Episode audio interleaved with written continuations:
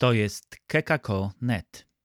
To już trzeci dzień jesteśmy razem i trzeci dzień e, chcemy poddać się działaniu Bożemu, poddać się temu, co nas ma prowadzić do wzrostu, tak żebyśmy żyli, żeby się nie okazało, że właśnie przestaliśmy wzrastać, a to znaczy, że przestaliśmy żyć. I ten wzrost powoduje w nas przez całe życie, tak jak wzrastamy, powoduje w nas pewną przemianę, która się nie dzieje tak jak, nie wiem, przemienienie na górze tabor, że raptem e, dostajemy lśniących szat i tak dalej, tylko że ta przemiana zachodzi przez całe nasze życie. Nie tylko życie kapłańskie, ale przez całe nasze życie, jak, e, jak istniejemy, jak żyjemy. Więc ja też e, zdaję sobie sprawę, że ten wzrost, o który prosimy w czasie tych rekolekcji i ten etap naszej przemiany jest tylko kroplą w tym wszystkim, w całym morzu naszego życia, ale potrzebną, czymś, co jest nam niezbędne na dzisiaj. I też tak to widzę, że to jest coś, co jest mi potrzebne na teraz, na dzisiaj. To nie jest jakaś e, ponadczasowa historia, choć oczywiście e, ten wzrost ma się dokonywać na, na, życie wieczne w nas, ale on się ma do, dokonywać dzisiaj, w tych warunkach, w jakich jesteśmy, w tej sytuacji, w jakiej się znajdujemy. I to, że mówimy o przemianie, która potrzebuje pewnego doświadczenia oraz naszej decyzji, y, to jest po prostu zwykła kolej rzeczy dla każdego, kto wierzy. Bo to doświadczenie to jest jakaś łaska, którą otrzymujemy od Boga, a jednocześnie to wynika z tego, że Bóg stał się człowiekiem w Jezusie. I stał się Bogiem doświadczalnym, stał się Bogiem konkretnym, Bogiem z nami. No a y, dla Żydów wtedy i dla nas dzisiaj, choć to trudniej może y, tak namacalnie przeżyć, była kwestią, było kwestią przyjęcia lub odrzucenia tego doświadczenia, jakim było pojawienie się Jezusa.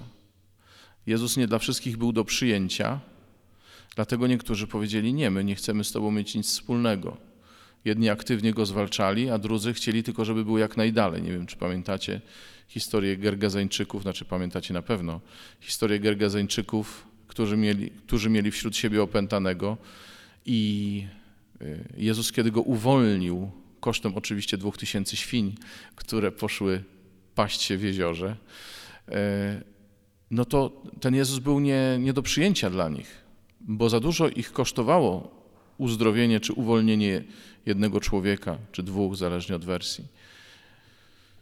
No tak, bo oni już byli przyzwyczajeni, że tamtych dwóch albo ten jeden jest na straty, a te świnie były źródłem ich dochodu. Więc zawsze jest coś do stracenia i do zyskania. Takie to jest to doświadczenie, które powoduje przyjęcie albo odrzucenie, które powoduje zawsze jakąś naszą decyzję, wtedy, kiedy nie pozostawia nas obojętnymi.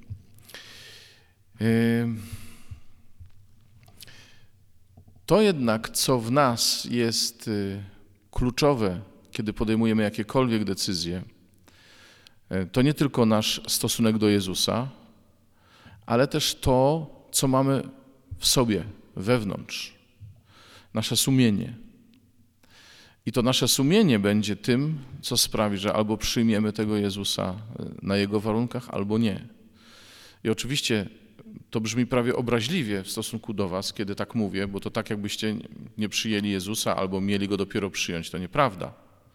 Tylko, że z tym przyjmowaniem Jezusa e, to nie jest tak, że się raz go przyjęło i tak jak e, w islamie wystarczy raz powiedzieć, że nie ma Boga nad Allaha, a Mahomet jest jego prorokiem, żeby już móc liczyć na ten muzułmański raj. Y, u nas tak nie ma. U nas y, te decyzje podejmuje się na co dzień i to, czy przyjmujemy Jezusa, czy nie, y, wychodzi w codziennych naszych decyzjach. Jaka jest nasza wiara, czy jest wiarą w osobę, a jeszcze bardziej osobie, wiarą, zawierzeniem osobie, czy jest naszą, naszym stosunkiem do zasad wiary, to wychodzi codziennie w tym, co robimy. A sumienie w tym jest kluczowe, dlatego że to jest ta najdelikatniejsza część w nas, w której się dokonuje ocena tego, co dobre i tego, co złe. To jest zwykła władza człowieka z jednej strony, taka wewnętrzna, immanentna, a z drugiej strony ono jest formowane naszą wiarą i zależnie od tego, jaka ta nasza wiara jest, tak działa nasze sumienie. Jeżeli nasza wiara jest intelektualna, opiera się na zaakceptowaniu e, pewnego depozytu albo na mniejszym lub głębszym lub mniej głębokim uwewnętrznieniu pewnych zasad, jeżeli tak jest, to i nasze sumienie będzie e, właśnie takie, skalibrowane w określony sposób. Co muszę przyznać, nie jest wcale takie złe w tym sensie, że sumienie skalibrowane nie wychodzi poza pewne granice i e, ma jasno poukładane priorytety i wiemy o co chodzi w naszym życiu, wiemy też jak prowadzić innych. Ale takie sumienie ma problem wtedy, kiedy pojawia się sytuacja niestandardowa. Wtedy jest wielka rozkminka, wielkie rozważanie, dobrze, niedobrze, tak, inaczej. Wtedy są debaty albo konflikt wewnętrzny nasz. Więc to jest jedna strona medalu. Druga strona medalu to jest wiara nie tyle intelektualna czy zasadnicza, ile wiara ufna. I tu już jest dużo trudniej, E, bo z jednej strony taka wiara jest bardziej ludzka, e, taka wiara sprawia, że jesteśmy bardziej wyrozumiali i dla siebie, i dla innych.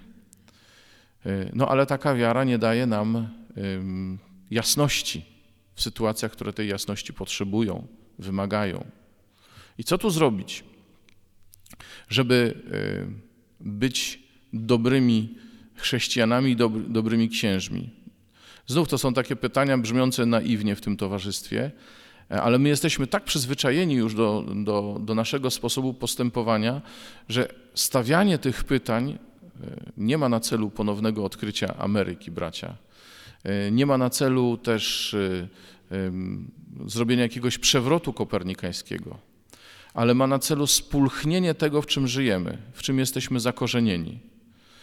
I takie świeże spojrzenie na to, co wydaje nam się jasne od A do Z, od zarania naszej wiary lub od y, kiedy jesteśmy księżmi. No bo y, świat się zmienia, y, a my czasami patrzymy wciąż przez te same okulary na rzeczywistość, która jest zupełnie inna, albo inaczej. W miarę jak nam PESEL wskazuje na upływ lat, wiadomo, tu astygmatyzm, tam jakieś, jakaś krótkowzroczność, tu coś tam, więc okulary trzeba zmieniać po to, żeby ciągle dobrze widzieć. E, dlatego mówię o takich podstawowych rzeczach, nie z innego powodu. Więc moje sumienie e, w kontekście e, takiego klasycznego, w takim klasycznym ujęciu powiedzmy, wiadomo, że może się nabawić różnych chorób typu będzie zbyt szerokie i zbyt wiele będę sobie pozwalał i nie będę się przejmował niczym, albo będzie wąskie, e, bardzo wąskie i będę rygorystyczny w stosunku do siebie i w stosunku do innych, e, albo po prostu będzie zagłuszone, bo nie będę chciał go słuchać, bo zbyt wiele mi wrzuca na przykład. I to jest takie klasyczne ujęcie, które jest bardzo pomocne, zwłaszcza kiedy robimy sobie rachunek sumienia. Natomiast y, nie ułatwia nam to y, pracy z ludźmi, y, dlatego że my własnymi kryteriami często oceniamy sytuacje, w jakich oni się znajdują. Dlatego ja proponuję inny, inne, inne dwie kategorie, czy, czy też jedną kategorię oglądu naszego sumienia. Możemy się na to gniewać, możemy się na to zdenerwować, ale pomyślcie, czy nasze sumienie jest odważne czy tchórzliwe? No, tego nie było w teologii moralnej i rozumiem, że tego nie było, ale ja czasami sobie zadaję pytanie, czy moje sumienie jest odważne czy tchórzliwe? Czy chodzi mi tylko o to, żeby było w porządku, e, czy też jestem gotów e, przyjrzeć się sobie i innym e, odważnie? No i tu spotykamy sumienie z naszą wiarą, bo wiara, która się będzie opierała na takim intelektualnym kategoryzowaniu, na y, takim zdecydowanym podejściu dyscyplinarnym, czy też takim y, konkretnym ujmowaniu rzeczy odtąd dotąd, ta wiara nam nie pozwoli wyjść poza sumienie zachowawcze. I ono im bardziej będzie zachowawcze, tym bardziej będzie tchórzliwe. Będzie się obawiało tego, co jest. Y, nie będziemy też skłonni do stawania w prawdzie o tym, co się dzieje w nas, bo ciągle będzie nam towarzyszyła ocena, że to nasze sumienie e, będzie nas, e, będzie nas przywoływało do porządku i, to, i będzie nam towarzyszyła ocena, jesteśmy dobrzy albo źli. Natomiast wiara, która się opiera na ufności, na, na przyjęciu osoby Jezusa, z, ze wszystkim, co On wnosi, jaki jest i co mówi, e, taka wiara będzie kształtowała dużo bardziej odważne sumienie. Ono nie będzie tak y, klarowne i nie będzie odtąd dotąd, ale będzie wrażliwe. I bracia, ja myślę, że wrażliwe sumienie to jest coś, czego my potrzebujemy, nie po to, żeby się wyrzutami zagryźć sumienia, ale po to, y, żeby wiedzieć, że nie wszystko zawsze wygląda tak samo, że świat nie jest czarno-biały, że my nie jesteśmy czarno-biali, że dużo w nas jest kolorów pośrednich, i w tych, którym służymy, też dużo jest takich odcieni pośrednich. Więc y, do podejmowania decyzji y, sumienia potrzebujemy wiary osobowej, wiary we wcielonego Boga, y, zaufania do Jezusa. No i też musimy się zgodzić, że taka wiara będzie nas może czasem kosztować. Gdyby Jezus został u Gergezeńczyków, gdyby oni się E, zgodzili na to, żeby on tam został u nich, gdyby go zaprosili do swojego życia, prawdopodobnie wiele musieliby jeszcze oddać i być może to i owo by stracili rzeczywiście. Ale ich życie by się zupełnie zmieniło, tak jak radykalnie zmieniło się życie tego opętanego, który został uwolniony dzięki Jezusowi. Jezus przychodzi z wolnością. Jezus przychodzi z wolnością. I dla jednych to jest właśnie problem, taka wolność, a dla drugich to jest dopiero radość. I kiedy mówimy o wolności, to bardzo często mówimy o tym, że no tak, możemy sami zdecydować, tak czy nie. Ale święty Paweł mówi, że inne jest kryterium wolności, bo on pokazuje, że jeżeli ktoś się zdecyduje na coś złego, grzeszy, no to jest niewolnikiem zła, więc nie, nie mówimy tu o wolności. Prawdziwą wolnością jest, kiedy zawsze możemy powiedzieć tak Bogu. To jest prawdziwa wolność. Do takiej wolności jesteśmy wychowywani. Nie do wybierania, to tu znów taka może nietypowa kategoria, bo my jesteśmy przyzwyczajeni do wybierania mniejszego zła, ale może Bóg chce, żebyśmy wybierali większe dobro niż mniejsze zło żebyśmy się kierowali właśnie kryterium dobra, żebyśmy się kierowali kryterium tego, co dobrego można zrobić i co Jezus zrobiłby e, na naszym miejscu. Bo jeśli chcemy tylko ograniczyć skutki e, zła na świecie, to będzie to zawsze działanie e, ludzkie. A Bóg nie przychodzi, żeby ograniczać skutki zła. Bóg przychodzi po to, żeby czynić w świecie dobro i to dobro chce e, czynić przez nas. Tak długo o tym mówię, bo w kontekście naszych decyzji jest niesamowicie ważne, jak my jesteśmy ukształtowani. Co w nas e, jest źródłem naszego tak lub naszego nie. I e, pozwólcie, że przeczytam Wam fragment z dziejów apostolskich, rozdział 16, wersety od 22 do 34. Oczywiście historię dobrze znacie. E, ale chciałbym, żebyśmy popatrzyli na nią troszkę inaczej niż, niż zazwyczaj to się robi. E, kontekst. Paweł uwolnił niewolnicę od ducha wróżebnego, w związku z tym właściciele tej niewolnicy stracili źródło dochodu, bo ona tym swoim opętaniem e, przyczyniała im zysków, no bo ludzie płacili za, za jej wróżby. I kiedy tak wołała za Pawłem, to, to są słudzy Boga żywego, słuchajcie ich, oni wam głoszą to i tamto, dobrą nowinę. To w końcu się Paweł zdenerwował i powiedział dosyć tego. On nie chciał, żeby diabeł dawał o nim świadectwo. Y, wyrzucił złego ducha, no i naradził się poważnie. I tak, zbiegł się tłum przeciwko nim, a pretorzy kazali zedrzeć z nich szaty i siec ich rózgami. Po wymierzeniu wielu razów wtrącili ich do więzienia, przykazując strażnikowi, aby ich dobrze pilnował.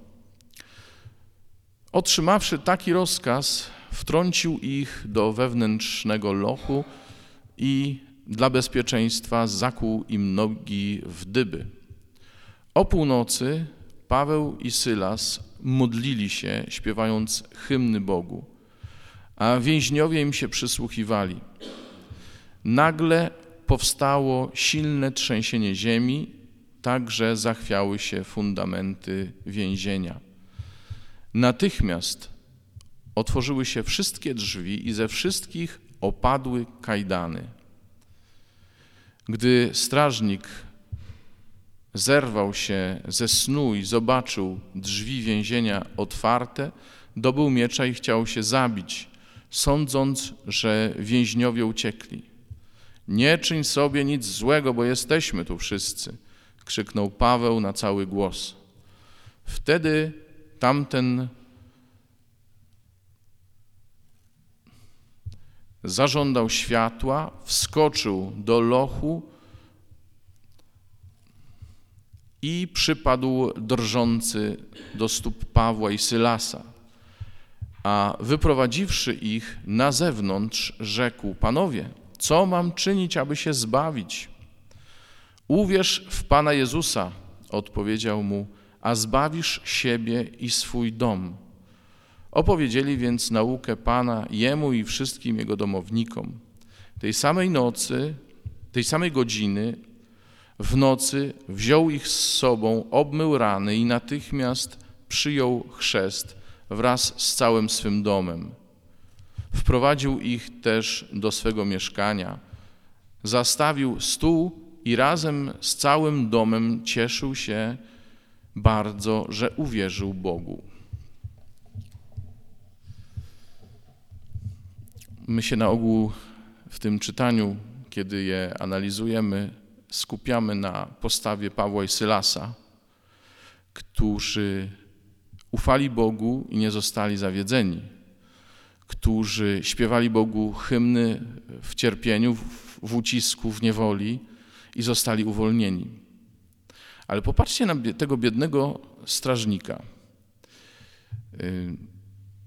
On swoim własnym życiem ręczył za to, żeby jego więźniowie nie pouciekali z więzienia.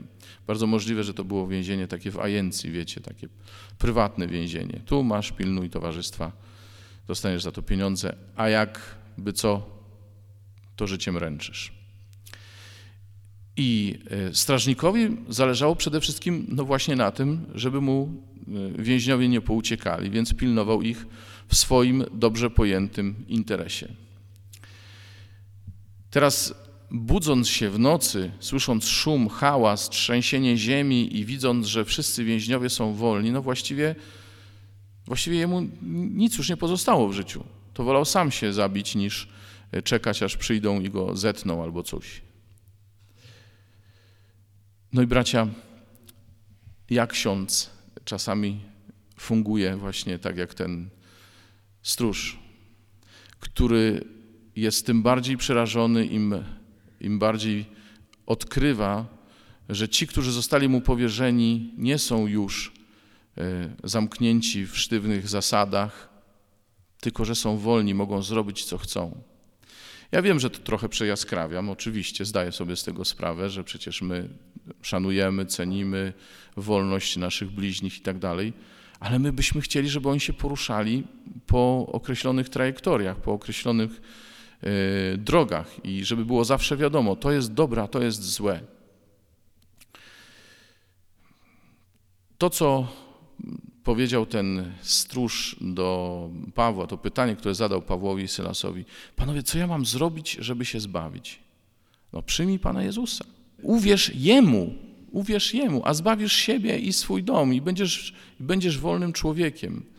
E, będziesz szczęśliwy, będziesz miał życie wieczne. I jeżeli my, księża, e, jesteśmy gotowi e, nasze sumienie kształtować wiarą w Jezusa, a właściwie wiarą Jezusowi, zaufaniem do Jezusa, to nigdy nie będziemy patrzeć na tych, których nam powierzono, jako na osoby do upilnowania, tylko jak na osoby wolne, które mogą zrobić, co chcą, a którym my mamy zapewnić drogę naśladowania Jezusa. I dużo bardziej skuteczne jest to, że oni pójdą za nami jako za tymi, którzy idą za Jezusem, niż to, że my ich przytrzymamy w określonych zasadach i w określonych regułach tylko i wyłącznie.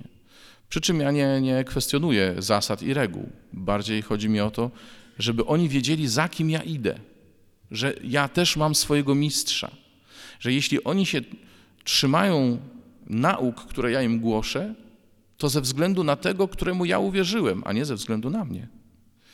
I dlatego, dlatego tak kontrowersyjny dzisiaj się wydaje papież Franciszek, że on mówi: bądźcie z nimi w ich sprawach i, i uczestniczcie aktywnie w tym, co ich dotyczy. Nie bądźcie tylko y, sędziami, a właściwie takimi troszkę policjantami, którzy tylko egzekwują taryfikator grzechów. Papież chce, żebyśmy my się angażowali w rozeznawanie naszych braci, naszych sióstr, żebyśmy byli w stanie im towarzyszyć, być przy nich blisko, ale na, na tej samej płaszczyźnie, że szukamy tego, czego chce Bóg, szukamy woli Bożej. I to jest sposób na to, e, żeby nasze decyzje zawsze były wyborem wolności, żeby zawsze były wyborem e, tego, czego chce Bóg, żeby zawsze były wyborem e, woli Bożej, tak jak Jezus wybrał, aby wypełnić wolę Ojca. To też jest coś, co go kosztowało, i nas też będzie to kosztować, i tych, którzy pójdą z nami, też będzie to kosztować, ale nigdy nie będzie to ślepe posłuszeństwo, ani nasze, ani ich, tylko zawsze będą to decyzje oparte na sumieniu, odważnym, bo nie zafiksowanym tylko na zasadach odtąd dotąd, ale sumieniu, które polega na pójściu za Jezusem na pójściu za tym, co On robi i jaki jest, na naśladowaniu Go, na zadawaniu sobie pytania, co On by zrobił e, na moim miejscu. To odważne sumienie e, ma, e, ma też wolność do tego, żeby przyglądać się odważnie także tym, którzy działają wbrew Ewangelii, po to, żeby im towarzyszyć i żeby oni wiedzieli, że nie są potępieni, nie są, e, nie są e, osądzeni, ale przeciwnie, że są zaproszeni na tą drogę, że ich życie nie przekreśla tego, że przecież mogą się nawrócić, że mogą zmienić kierunek swojego życia. A będą go chcieli zmienić, jeśli, jeśli będą go chcieli zmienić, to być może właśnie dlatego, że zobaczą nasze świadectwo podążania za Jezusem, takiego ufnego, Zobaczą w nas uczniów, to o czym mówiliśmy na początku. Zobaczą w nas tych, którzy nie są panami ich wiary, ale są e, przyjaciółmi i towarzyszami w drodze. Jeszcze taki PS tylko dorzucę. E, ja bym bardzo chciał zawsze towarzyszyć ludziom e, w drodze i chciałbym zawsze towarzyszyć im drodze do Jezusa. Niestety coraz częściej przychodzi nam i to nie pamiętam, to było chyba w dokumencie e, po synodzie o młodzieży. E, coraz częściej przychodzi nam towarzyszyć, towarzyszyć ludziom, którzy uciekają, którzy odchodzą, który, którzy nie chcą być przy Panu. I mnie się też zdarzyło towarzyszyć takim osobom. Najchętniej byśmy powiedzieli, jak nie, to nie, idź sobie, idź sobie sam.